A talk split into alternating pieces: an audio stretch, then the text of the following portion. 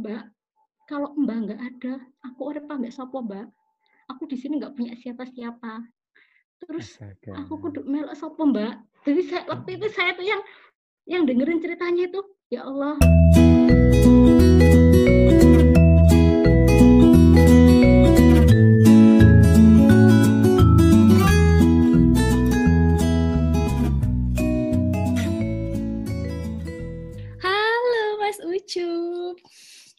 Dalam-dalam pripun kabare? Esther? Aduh, aduh. Apa ini artinya apa? Aku nggak ngerti nih. Aduh, Waduh lah niki lagi nongkrong-nongkrong niki. aduh. Aku cuma ngertinya lagi sama nongkrong aja. Aduh, aduh. Aku baru awal-awal udah disambut sama bahasa-bahasa. Ini kalau nggak salah bahasa apa ya? Bahasa Aceh ya ini ya? Ini bahasa Sunda ini. Oh, bukan, bukan. Bukan, Sunda tidak seperti itu. Lah kepriben. Oh, Loh, kepriben. kok ganti lagi. Ini bahasa Jawa ya, Mas ya? Jawa. bahasa Jawa. Jadi kita Parah ya. emang orang Jawa Tulen ini, Jawa Tulen. Aduh. Gimana kabarnya, Teh Esther? Oh, baik. Eh, kalau misalnya baik tuh bahasa Baik. Sundanya, eh bahasa Sunda. Bahasa Jawanya berarti apa jawabnya? Apik-apik wae. Apik, apik wae, re. Saya Samawon. Saya, saya. Iya. Loh, suara siapa, Rek? Itu suara, tolong di-mute-kan dirinya. Loh. ini ini nggak ada nggak ada Mas Aat ya. Kalau misalkan ada Mas Aat, terus ada siapa lagi ya? Mas Ivan ya kemarin yang sempat jadi host. Ini pasti satu squad ini. Nyambung ini. Cuman kemarin nggak, eh karena hari ini nggak ada, jadi kita berdua ya Cup ya. Oke. Nah, Jadi mm, aku pengen aduh pengen kepo sih relawan-relawan dari daerah Jawa Timur berarti nih Cup ya. coba ada siapa aja yang pertama dari sesepuh. Dari orang tua sampai anak bungsu berarti ya kita kenalin ya. Oke, Memang iya. Dari yang paling tua dulu. pohon keluarga coba. Halo, halo. Halo Mbak Esther, Halo. Mas Yusuf. Halo. Halo. Dari Blitar, salam nih buat teman-teman di Bali dan di Bandung. Wes. Salamnya salam apa dulu nih? Salam tempel. Salam salam olahraga. Oh, salam. Loh. Enggak salam berbagi, salam berbagi. berbagi. Salam berbagi. Jadi nama saya Mat. Saya dari KN Blitar. Kalau TV-nya ya pokoknya saya rela apa-apa aja saya kerjain. Oke. KN Blitar sendiri berdiri 2017 ya mungkin yang paling muda di Jawa Timur. Jadi eh, mohon bimbingannya sama teman-teman di nasional terkait bagaimana sih sepak terjang KN seperti itu. Aduh, Terima kasih. aduh. Yang be- yang ngomong begitu orang tua sih jadi minder. Iya, suka merendah gitu loh. Orang tua dalam artian bukan berarti umur ya, Cup. Orang tua di masa bergabung KN-nya itu udah udah kategori Iya. orang tua dia. Aduh, aduh, aduh. Namanya aja juga udah sesepuh KN kan. Udah sepuh. Lanjut, Cup. Mas Doni. Assalamualaikum semuanya. Kenalkan saya Doni, saya dari Ketimbang Mes Kediri. Saya selaku volunteer. Jadi apa pun saya kerjakan sama kayak teman-teman KN semuanya. Salam untuk regional seluruh Indonesia. Piye kabare Mas Doni? Mas. Doni kok ngobris? Mas Doni. Mas Doni, mohon maaf nih, sahabat ketimbang miss. Mas Doni tiba-tiba beku. Iya. Masuk. Halo Asik. semuanya. Halo, Halo. Mas Igam.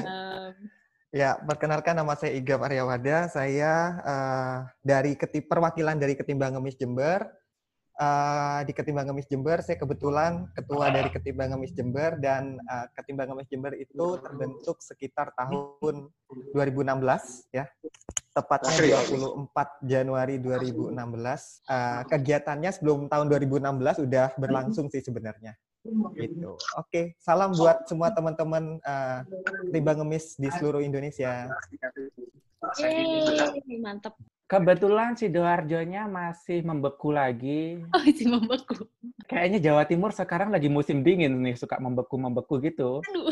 Nah, Gimana kalau kita langsung cerca yang ngaku-ngaku masih muda tadi? Apa tuh? Yang yang katanya baru ya, tadi waduh. bimbing ya. Hmm, Tadi bimbing. baru. Ceritain coba tentang regionalnya nih, biar ketahuan nih ya. Eh, terima kasih. Jadi gitar ini cerita cukup unik. Jadi gitar ini pernah dibuat oleh kurang tahu sih saya yang buat dulu siapa karena akun IG-nya pun saya dapatnya warisan sama Mbak Sila. Lalu saya bergabung di sana pada akhir 2016 dan resmi berdirinya pada 8 Januari 2017. Sampai sekarang alhamdulillah masih berjalan dan alhamdulillah beberapa kali karena kita ikut Cakep banget emang sesepuh nih. Ini kalau misalkan eh, apa ya sahabat ketimbang ngemis bisa ikutan video call di Zoom nih, aduh muka Mas Mada tuh paling Paling glowing. paling glowing kalau bahasa anak sekarang. Kalau di Kediri sendiri kita mulai posting itu kalau tidak salah tanggal 16 Juni kalau nggak 17 Juni 2015. Awalnya memang respon teman-teman tuh sangat luar biasa. Jadi banyak sekali bahkan ratusan volunteer dan relawan yang mau join untuk bergabung sama ingin ikut untuk kegiatan. Halo, Assalamualaikum, Om Swastiastu. Om Swastiastu, Waalaikumsalam. kebajikan. Waalaikumsalam. Perkenalkan, saya Nesa, perwakilan dari Bali. Sebagai relawan dong pastinya. relawan ketimbang Ngemis Bali. Gabungnya sih baru sih. 2018. Jadi masih anak baru lah dibanding Mas Mada. Ibaratnya kalau Mas Mada itu sesepuhnya perkaenan, beliau sudah bisa naik sepeda, saya baru lahir gitu. Awalnya foundernya ada yang namanya Mbak Kiki. Mbak Kiki foundernya Ketimbang Ngemis Bali itu pergerakan dari Ketimbang Ngemis kan. Dari mulai Mas Cinoy pertama bikin pergerakan itu, kemudian ya beliau menginisiasi untuk oh kayaknya perlu juga buat di Bali kayak gitu. Sempat bikin dulu kan masih zaman-zamannya ini ya grup lain ya. Zaman-zaman dulu tuh maksimal pesannya 100 itu sampai membludak gitu sampai harus bikin eh, bergrup-grup sampai 5 5 atau 6 grup.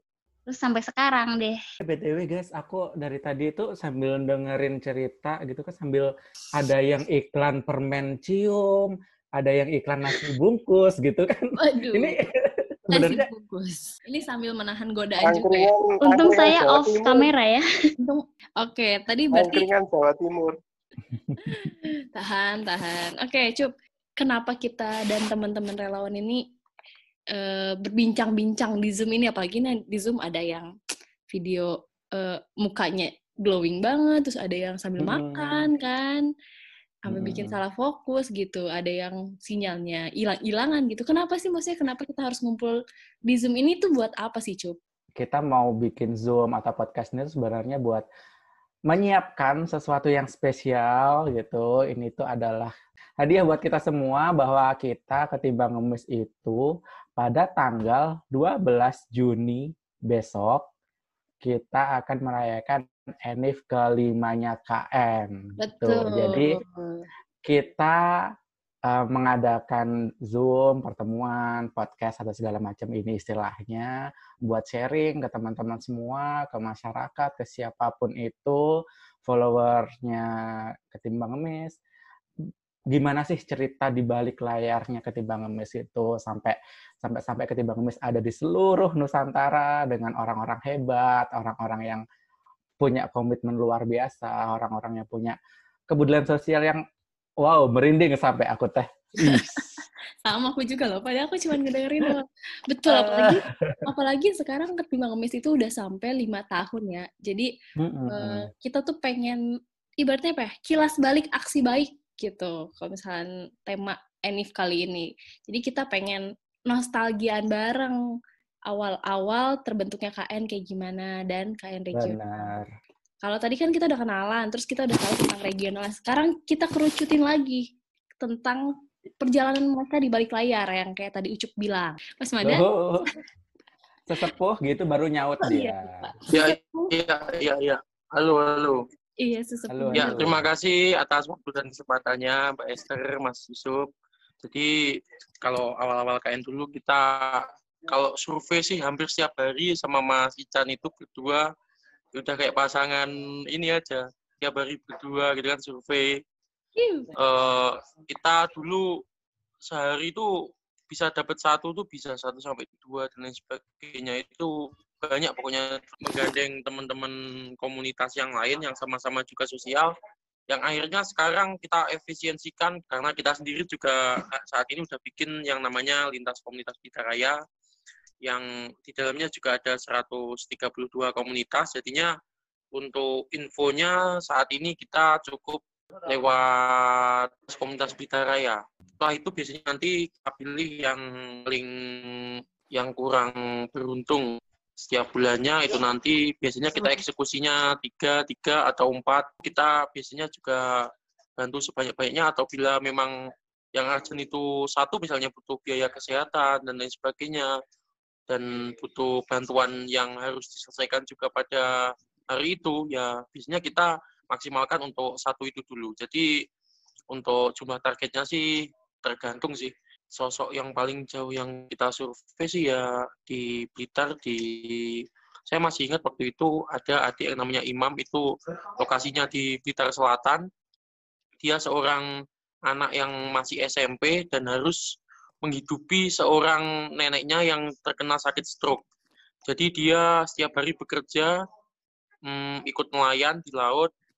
Itu neneknya setiap hari sama dia ditinggal. Pas waktu itu kami survei uh, kita lihat isi makanannya itu yang ternyata neneknya itu hanya makan pakai nasi aja. Karena memang mereka hanya tinggal berdua. Uh, setelah kita alhamdulillah banyak komunitas yang sama-sama membantu bergotong royong untuk adik imam tersebut sih. 40 km dari pusat kota di oh, tepi laut gitu. 40 km lumayan juga. Waktu itu pakai uh, kendaraan apa? Motor? Iya pakai motor. Karena Blitar ini kotanya kecil ya jadinya 40 km itu udah termasuk jauh sekali sih. Karena di Jawa Timur kalau kita lihat Blitar itu daerahnya paling kecil se-Jawa Timur. Jadi untuk ukuran 40 km dari pusat kota itu udah yang paling pelosok lah. Pokoknya. Jalannya pun juga masih batu-batu gitu. Itu di samping laut masuk ke dalam gitu kan. Itu kalau misalnya pemerintah pun kayaknya kalau mau ngakses ke sana pun juga kesulitan. Akhirnya kita alhamdulillah bisa menemukan si adik imam ini. Untungnya dilancarkan gitu ya mas ya. Aku pengen tahu nih sebagai sesepuh udah nemuin berapa sosok mulia sih? Atau yang udah disurvei aja selama lima tahun ini? Ratusan mungkin kalau misalnya ditanya jumlahnya pastinya kalau dua ratusan juga udah lebih kayaknya selama Waduh. ini yang kita survei untuk anggota saat ini sih mungkin yang aktif anggota aktifnya sekitar 20, 25, 30 gitu. Okay, yang penting kita tetap melakukan regenerasi, jadi biar KN pun nggak terus berjalan dan nggak nggak sampai mati gitu.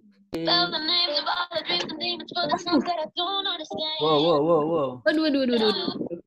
Sudah, sudah, sudah di mute dari admin. Dari Kediri, Teh. Waktu 2015 itu lebih dari seratusan orang.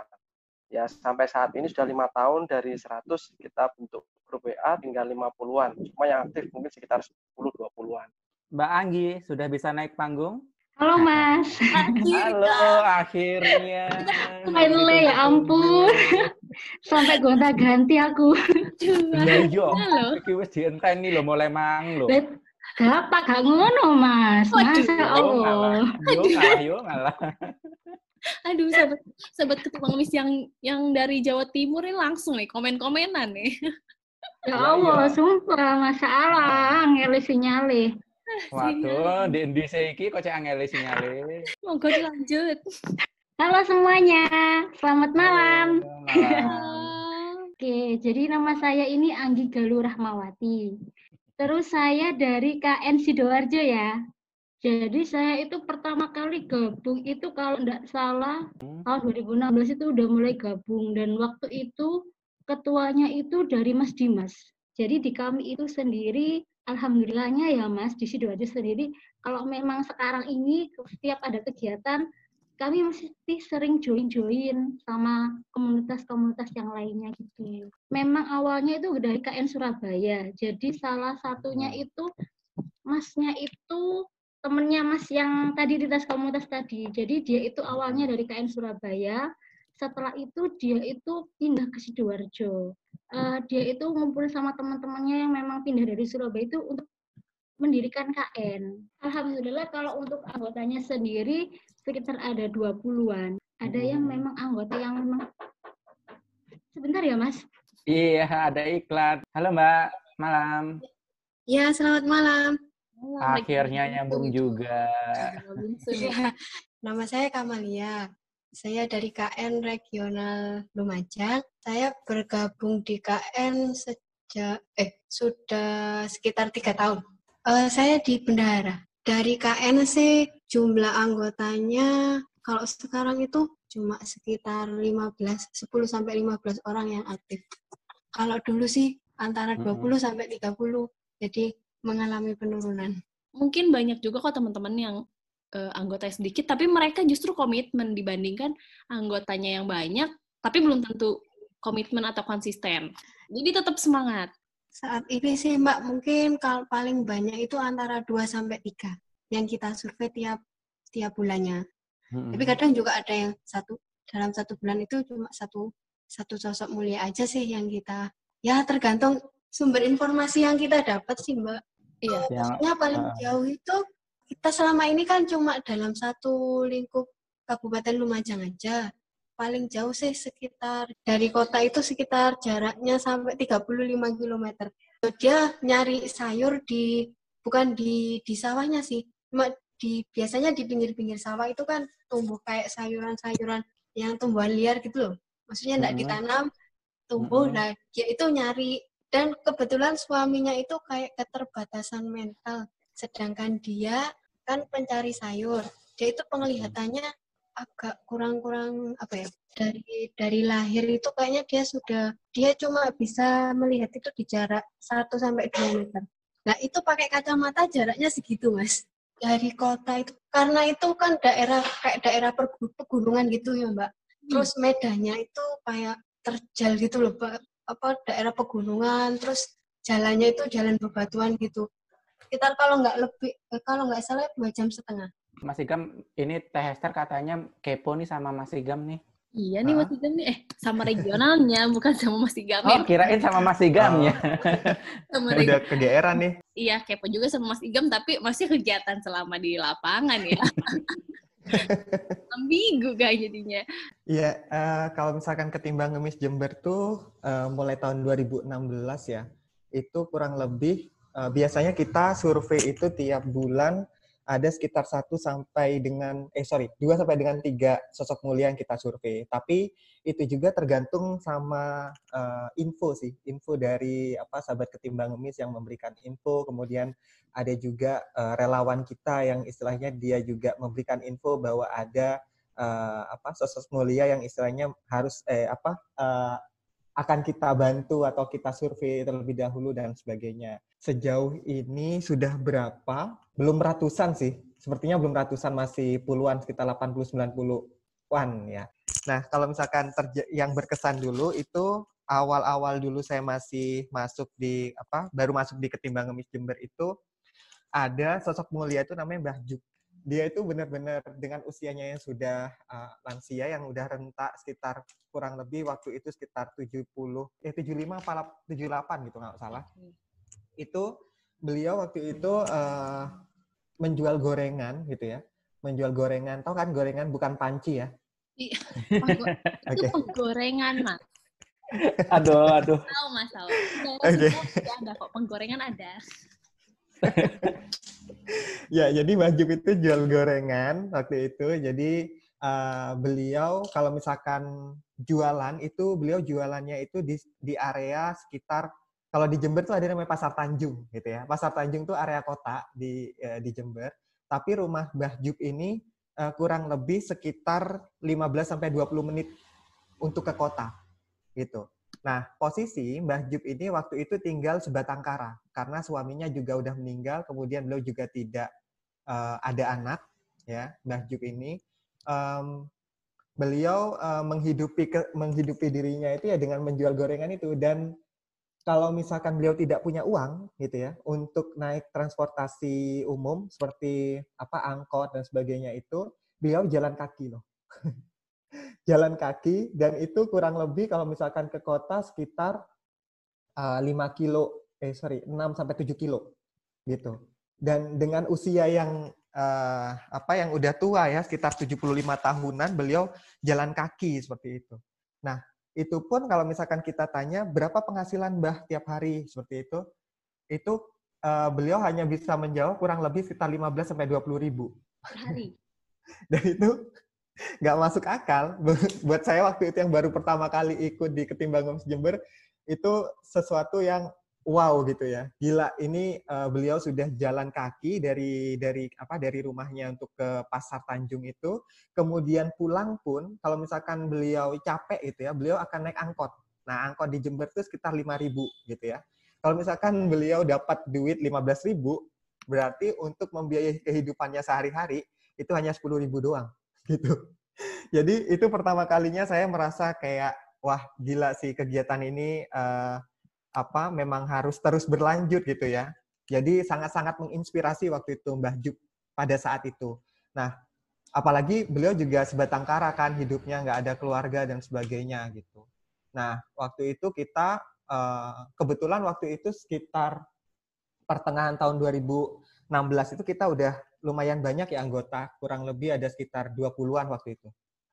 Nah, eh, kita pada akhirnya memutuskan untuk uh, juga bantu-bantu untuk membersihkan rumah baju karena waktu itu rumahnya sangat berantakan sekali ya dan uh, kalau misalkan biasa teman-teman tahu sih rumah gedek tahu nggak sih? Tahu tahu tahu yang dari bambu ya, pokoknya kan. Dari bambu ya dari bambu dan itu udah banyak yang bolong dan sebagainya kita waktu itu bantuin gimana caranya uh, nutupin yang bolong-bolong itu biar kalau beliau apa uh, kalau misalkan hujan itu nggak nggak nggak bocor dan sebagainya. Kita bantuin juga untuk nata rumahnya gitu. Dan saat beliau bilang uh, seperti terima kasih ya nak. Wah itu suatu penghargaan yang sangat sangat berharga sekali sih buat kita gitu loh. Dan itu hmm. pada akhirnya juga akan membuat kita semangat kan ke depannya gitu. Kalau yang paling jauh waktu itu juga sempat viral uh, masih di area di area-area Jember aja sih Mbah ini nah ada itu namanya Mbah uh, Mbah Karyadi kalau nggak salah beliau juga penjual uh, tahu petis. Tahu tahu petis nggak? Tahu. Tahu dong. Kesukaan iya. itu. Wede. Beliau waktu itu sangat viral sekali, banyak banyak sekali beritanya itu di media terkait dengan Mbak Karyadi. Nah, Mbak Karyadi itu uh, pada saat itu rumahnya di Ajung, salah satu kecamatan di Jember. Kalau ke kota, jadi beliau itu menjualnya uh, menjual gorengannya itu di kota, di daerah sekitar daerah Kaliwates. Kalau di Jember itu ada daerah kota, namanya Kaliwates. Itu uh, kurang lebih sekitar kalau jalan kaki ya bisa satu sampai satu setengah jam. Dan beliau jalan kaki sambil memikul uh, dagangannya itu. Itu uh, Mbak Karyadi itu kebetulan juga tidak sebatang kara sih. Masih ada anak masih ada anak cuma Mbak Karyadi itu uh, dengan keterbatasan usianya waktu itu sekitar 78 tahunan ya Mbak Karyadi itu uh, Mbak Karyadi itu nggak mau sama sekali untuk berhenti kerja. Itu sih hebatnya. Jadi sejauh itu dia jalan kaki gitu ya untuk mendapatkan mendapatkan rezekinya gitu. Pada saat itu kita kebetulan uh, juga bantu dengan kita sebenarnya kayak gini sih. Uh, ada beberapa komunitas yang pada akhirnya ketika kita selalu posting di Instagram itu yang juga ingin join gitu. Ingin join untuk uh, membantu kemudian berkontribusi juga uh, apa untuk membantu sosok mulia kita seperti itu. Kalau misalkan kita naik motor sih kalau ke rumah Mbak Karyadi sekitar 30 sampai 40 menitan doang sih sebenarnya. Mm-hmm. Tapi uh, uh, tapi karena mungkin karena menginspirasi itu kali ya. Karena menginspirasi itu pada akhirnya kita menganggap bahwa uh, beliau sangat sangat berjasa juga nih buat ketimbang ngemis Jember gitu untuk meneruskan kegiatan ini pada akhirnya uh, mungkin ada sahabat ketimbang ngemis yang nggak tahu penghasilan sosok mulia tuh ya memang minim sekali gitu dengan yeah. beban kerja yang sangat berat tapi penghasilan mereka nggak seberapa kayak cuma lima ribu atau sepuluh ribu yang nggak make sense untuk uh, apa ya perekonomian hari ini gitu jadi sahabat ketimbang ngemis kalau misalkan ngelihat uh, lansia yang jualan atau sosok mulia di daerah Jember atau di Blitar atau di Bali, daerah Jawa Timur dan se-Indonesia mohon dilariskan minimal satu aja. Belilah walau tidak butuh kan? Betul sekali. Benar banget. Karena walaupun kita tidak membutuhkan, mereka lebih membutuhkan sebenarnya. Mbak Nesa. Ah, gimana Mas Ucup? Kalau jumlah sosok mulia sih banyak banget ya kalau di Bali. Kita kan survei dulu biasanya Nanti biasanya dieksekusinya itu tiap bulan, di akhir bulan gitu. 4 sampai 5 sosok. Karena Bali kan apa namanya ya, ketimbang ngemis yang itu satu pulau, satu provinsi jadi satu kan. Kalau orang kalau hmm. kalau regional lain itu kan uh, per kota gitu kan. Kota, kita kota. termasuk yang besar banget gitu. Itu memang jauh-jauh banget gitu dari ujung ke ujung gitu. Kita pernah kita pernah ke uh, Kintamani, kita juga pernah ke Nusa Penida yang kita harus nyebrang lautan. Lautan gitu kan. Uh, uh, dari sini ke Kintamani itu berapa jam ya, Coba saya sekitar tiga jaman lah, bisa lebih. Ya, tiga jam. Tapi kalau uh, ke Nusa Penida, itu karena kita nyebrang laut pakai boot, uh, kalau dari menitnya sih enggak. Maksudnya kalau dari jamnya sih kayaknya lebih jauh Kintamani ya, karena darat ya. Ya. Nah, cuma kalau, aksesnya itu susah. Kalau kan kita nyebrang. Tuh nyebrangnya sekitar 30 menit lah, udah nyampe. 30 sampai 45 menit lah, cuma lumayan sih, lumayan susah gitu. Karena uh, ketika kita mau bawa sembako untuk uh, sosok-sosok di sana kita nggak bisa jadi kita harus memang uh, beli di sana gitu dan harganya cukup mahal kalau aku ikut tuh kakek yang di Kintamani itu jauh kakek banget ya? Cukup ikut nggak sih? Kakek, kakek uh, iya udah almarhum itu kakek Serinta menurutku yang uh, berkesan sih itu pertama kalinya hmm. pergi sama tim ketimbang ngemis dan itu jauh banget. Tiga jam dan itu berapa mobil ya? Tiga atau empat mobil ya? Feelnya dapat banget sih.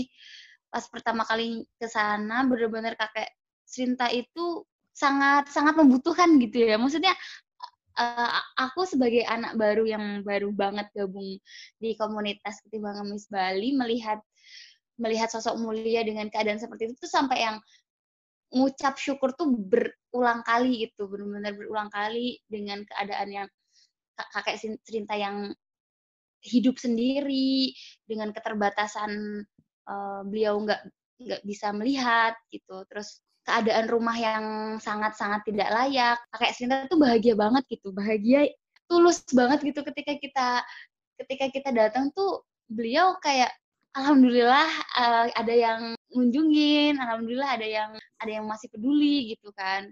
Bersih-bersih rumahnya kakek Sinte, terus uh, bongkar-bongkar segala macam gitu kan, bikinin dapur karena kan beliau masih pakai dapur kayu kan. Dan kita takutnya tuh kayak kakek Serinte itu karena nggak bisa melihat dapur dengan kayu itu kan sangat bahaya ya. Cuma ternyata uh, dibuatkan dapur segimana mungkin juga pasti akan susah gitu. Karena kakek Srinte itu udah terbiasa dengan kesehariannya dia memasak pakai dapur itu kan. Sampai tangannya aja tuh ibaratnya itu kayak udah kebal panas gitu udah kebal api. Beliau karena sudah sangat sepuh ya sudah sangat tua gitu. Kita ngobrol tentang bagaimana Indonesia zaman dahulu dan dan menariknya kakek Sinta itu bisa memainkan harmonika. Dan itu memorable juga sih memainkan lagu-lagu nasional. Wow. Ya jadi selain kakek Serinta itu punya semangat yang patut diapresiasi dia juga multi skill gitu ya, maksudnya punya kelebihan lain juga, jago musik gitu kan. Yeah, yeah, yeah. mendengar cerita di balik layar seperti ini itu sudah biasa, tapi tetap aja gitu masih suka terenyuh walaupun udah, udah sering ngedengar hmm. gitu. Apalagi mungkin sahabat ketimbang ngemis yang nggak tahu cerita-cerita di balik layar seperti ini kan. Hmm. Teman-teman dari Jawa Timur nih punya cerita nggak sih yang entah lucu entah unik perjalanannya kan wah berliku-liku gitu. Ada nggak sih pengalaman-pengalaman zong gitu yang nggak diketahui sama ketimbang ngemis gitu. Jadi kalau kita sendiri ya, uh, kalau cerita zongnya itu sih bapak penjual cobek. Tahu cobek nggak? Ulek-ulek kalau bahasa Jawa. Sambel. Iya. Nah, iya itu kan sampai viral ya yang bawa anaknya itu loh. Memang di beritanya tuh sangat viral gini-gini gini. Memang sampai bawa anak balitanya diajak sampai jualan segala kan waktu itu ternyata waktu kita datang ke sana memang daerah tersebut itu eh, lokasinya itu memang semuanya penjual penjual cobek memang kalau memang di cerita itu kan memang orangnya kayak susah atau gimana tapi ternyata enggak. Memang orangnya punya sepeda motor kendaraannya bagus memang rumahnya bukan di situ. Jadi memang aslinya itu kalau enggak salah itu daerah Jawa Tengah atau daerah mana gitu yang memang penghasil apa penghasil cobek gitu. Terus kalau yang cerita kedua ini kayak cerita-cerita di sinetron gitu loh. Padahal memang ceritanya memang seperti itu. Jadi uh, ada satu sosok namanya itu kalau tidak salah Mbak Effendi penjual cookies tapi udah tua rentan. Ternyata beliau itu punya istri. Istrinya beliau itu umurnya itu kalau tidak salah itu kelahiran 94 kalau waktu itu saya survei ya. Muda bang, terus lahirannya 94 berarti kan banyak udah tua banget. Nah, iya, saya itu juga sampai waktu itu saya sok mereka itu itu memang ditemukan dinikahkan oleh kalau di Sidoarjo kan memang ada yang namanya dinsos kan. Dinsos itu yang memang tempatnya kayak ya untuk mereka-mereka yang mungkin sakit atau apa. Jadi banyak itu waktu itu sakit di rumahnya sendiri, nggak ada yang nolong. Akhirnya tetangganya itu minta bantuan ke dinsos. Akhirnya sama dinsos dibawalah ke dinsos Jawa di sana. Dan kebetulan lagi istrinya itu ketemu di sana. Jadi istrinya itu kalau nggak salah itu orang NTT kalau nggak salah. Hmm. Jadi ya ampun, kalau ingat ceritanya jadi kasihan sendiri. Jadi mbaknya ini itu memang mohon maaf ya, jenengan mbaknya masnya tahu juling enggak? Yang kero kalau bahasa Jawanya kan kero. Oh iya. Juling iya, iya. matanya. Uh. Mohon maaf ya, kurang kurang setengah lah istilahnya. Oh. Paham nggak maksudnya? Uh, oh, jadi agak mental. Uh, iya. Uh, kenapa kok mbaknya itu sampai sini? Jadi mbak Neneng tadi kan namanya mbak Neneng. Memang lahirnya itu dia lahirnya dari memang sudah cacat. Terus akhirnya orang tuanya itu udah nggak ada. Akhirnya dia itu dirawat sama bude kalau kalau ngarepnya kan bude ya budenya mbak nenek itu selalu diperlakukan kayak salah apa pun dipukuli salah ini dipukuli salah ini dipukuli. Jadi mbak neneknya itu kabur dan di pasar larangan itu akhirnya dibawa oleh dinsos. Dan di sana beliau hmm. dipertemukan. Jadi waktu itu begini kamu mau nggak nikah sama saya? Tapi saya itu bukan untuk nikahin kamu. Tapi saya itu cuma ingin ngerawat kamu, ngajarin kamu, terus biar kamu itu ada yang nemenin, ada yang bantuin, ada yang hmm. ngajarin kamu masak. Waktu itu Mbak Neneng masih muda banget, belum masih umur belasan. Mbak Effendi itu mungkin memang jalannya aku kayak gini ya. Jadi memang Mbak Effendi itu dari mbak-mbak itu yang coba untuk kasih kita info, kasih kita foto sama semuanya. Dan waktu itu ketika kita dapat info Mbak Effendi sendiri tuh langsung sakit. Jadi saya sama Mas Yusuf bawa langsung ke rumah sakit. Hmm. Akhirnya di sana beliau itu punya penyakit gagal ginjal harus dioperasi semuanya banyak pun jadi satu di sedimbahnya.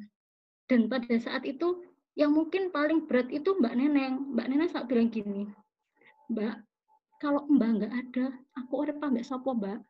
Aku di sini nggak punya siapa-siapa terus Astaga. aku kudu melok sopo mbak jadi saya, waktu itu saya tuh yang yang dengerin ceritanya itu ya Allah terus akhirnya waktu itu kalau nggak salah kita kan sempat apa donasikan sampai akhirnya mbak mbahnya tuh saya bilang maksudnya mohon maaf kalau mau meninggalkan pasti ada kayak beban gitu loh.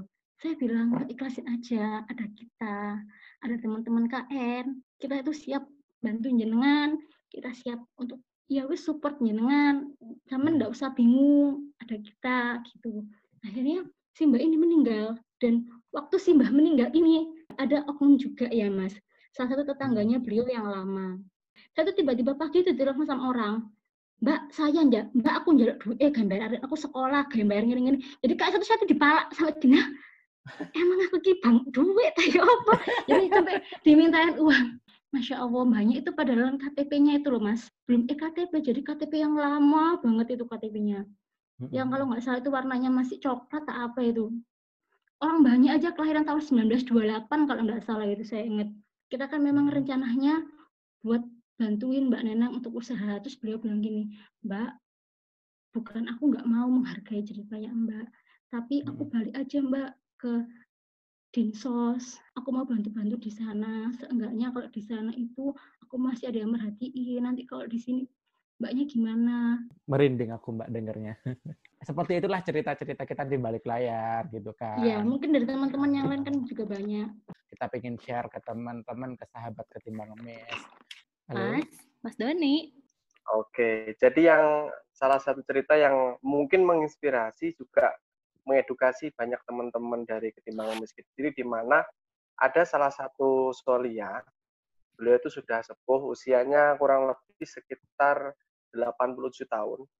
Jadi memang beliau sudah mulai usaha sejak usia remaja, kurang lebih usia 17 tahun, 18 tahun. Jadi itu uh, memang beliau kan warga asli kota Kediri, jadi memang area kota kan memang eh, nggak terlalu luas, jadi kita surveinya kan mudah. Beliau itu jualan figura, figura foto, terus figura kayak kaligrafi lafaz Arab seperti itu, sama pemandangan-pemandangan alam. Jadi harganya tuh murah, mulai yang dari 25.000 sampai 50.000 dan untungnya tuh beliau cuma ngambil 3.000 sampai 5.000. Naik sepeda unta tua itu pun nggak dinaikin, tapi didorong pelan-pelan. Ketika kita ke sana itu memang terlihat sederhana. Tapi ternyata beliau itu sudah membuatkan empat lokasi usaha untuk anaknya. Semua anaknya itu sukses. Sudah mapan lah. Tapi alasan kenapa beliau tidak mau mengikuti anaknya, yaitu karena terlatih sejak kecil, terlatih sejak muda. Jadi aku nggak mau kalau aku ikut anak-anakku nanti aku akan menyusahkan. Jadi beliau itu pas waktu kita mau diskusi sama survei kita kaget. Di sebelah rumahnya itu ada rumah bagus sekali, itu ternyata rumah anaknya. Dan waktu kita diajak ketemuan di salah satu lokasi dan ternyata ada salah satu tangga yang ngomong, itu ruko anak-anaknya berjejer. Jadi di salah satu jalan namanya Jalan Pati Murah di Kediri Kota itu ada ruko kanan kiri berjejer gitu. Ya toko figura itu semua milik anaknya dan alhamdulillah beliaulah yang dulu ibaratnya babat alas atau memulai dari awal dari nol kayak gitu. Mungkin salah satu cerita yang asik di situ. Dan satu lagi juga deh tak tambahin. Ketika ada yang namanya Mbak Imron, jadi orang itu kan usianya sekitar 65 tahun, jualan bensin, beliau ngambil di SPBU atau pom bensin dengan harga yang sesuai, terus cari untung sekitar 500 sampai 1000 rupiah per liter. Sudah hampir 20 tahun anaknya itu pisah dari beliau, Allah menjawab semua doa beliau. Ketika beliau viral, satu bulan kemudian anaknya mencari beliau, man. Bayangkan 20 tahun, tiba-tiba melalui sosial media itu bisa bertemu seorang ayahnya. Untuk mengobati salah satu kerinduan anaknya, akhirnya berbakti sampai saat ini menghidupi orang tua yang terpisah selama 20 tahun. Itu dan sampai sekarang alhamdulillah beliau masih sehat, masih jualan juga.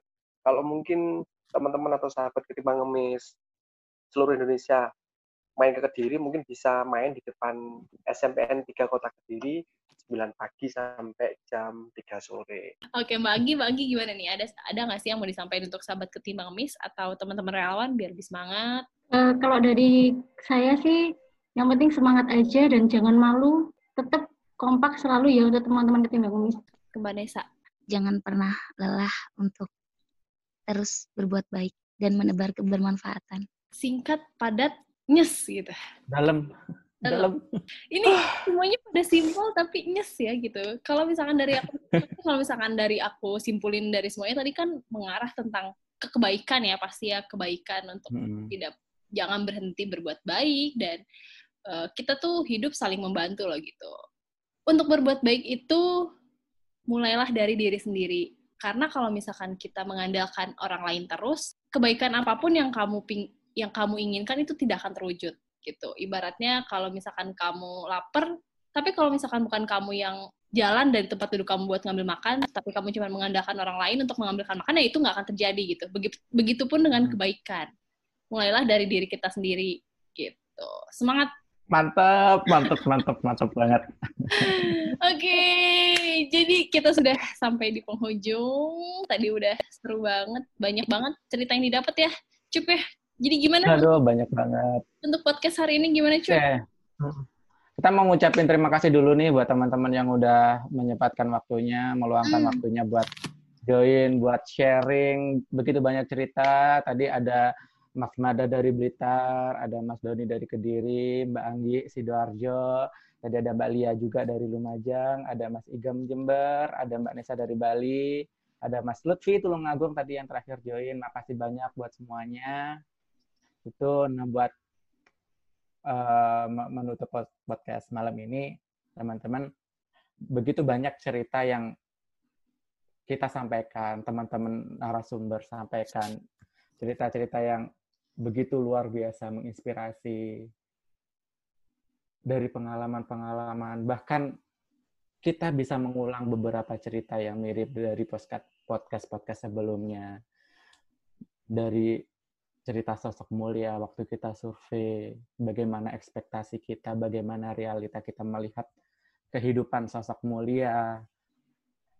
Banyak cerita yang mereka berikan kepada kita dan di sini kita mencoba share buat semua masyarakat, buat semua sahabat ketimbang ngemis bahwa di luar sana tuh banyak sosok mulia yang ceritanya begitu menginspirasi.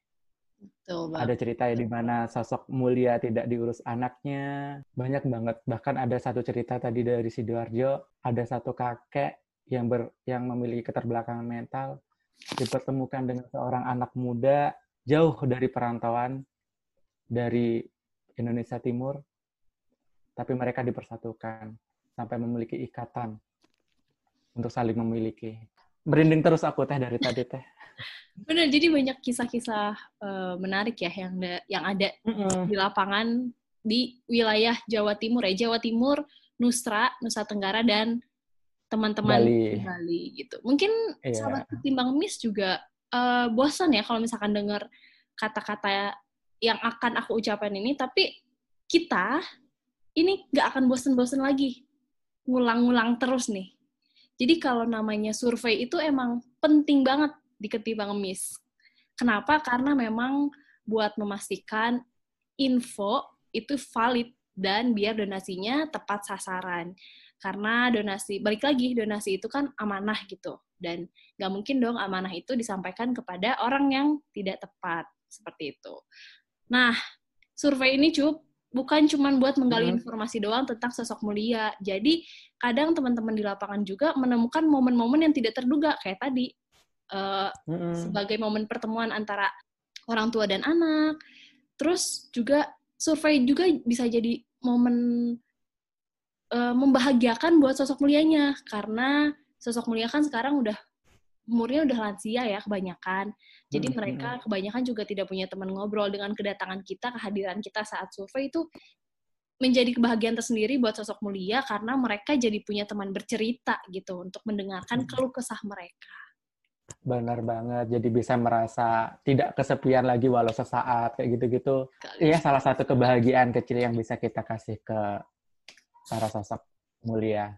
Semoga podcast ini bisa menginspirasi teman-teman ya dan lebih banyak lagi masyarakat yang sadar dan peka terhadap sosok mulia di sekitar kita dan yang pasti jangan lupa memberi dengan membeli. Jadi jangan lupa kalau misalnya ketemu sosok mulia, larisin aja minimal satu aja.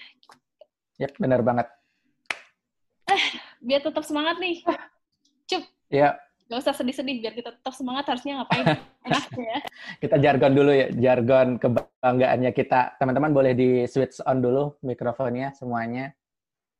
Ya, jadi nanti uh, aku bilang kalau aku ngomong ketimbang ngemis, teman-teman langsung barengan bilang say no to ngemis. Oke? Okay. Okay? Siap. Oke, okay, teman-teman di switch on dulu dong mikrofonnya. Oke, okay, teman-teman udah siap ya? Ready ya? Siap. Oke, satu, dua, tiga. Ketimbang ngemis. Say no to ngemis. Say no to ngemis. Yeay. Kelas dulu dong. Thank you, thank you. Makasih, makasih banyak ya semuanya ya.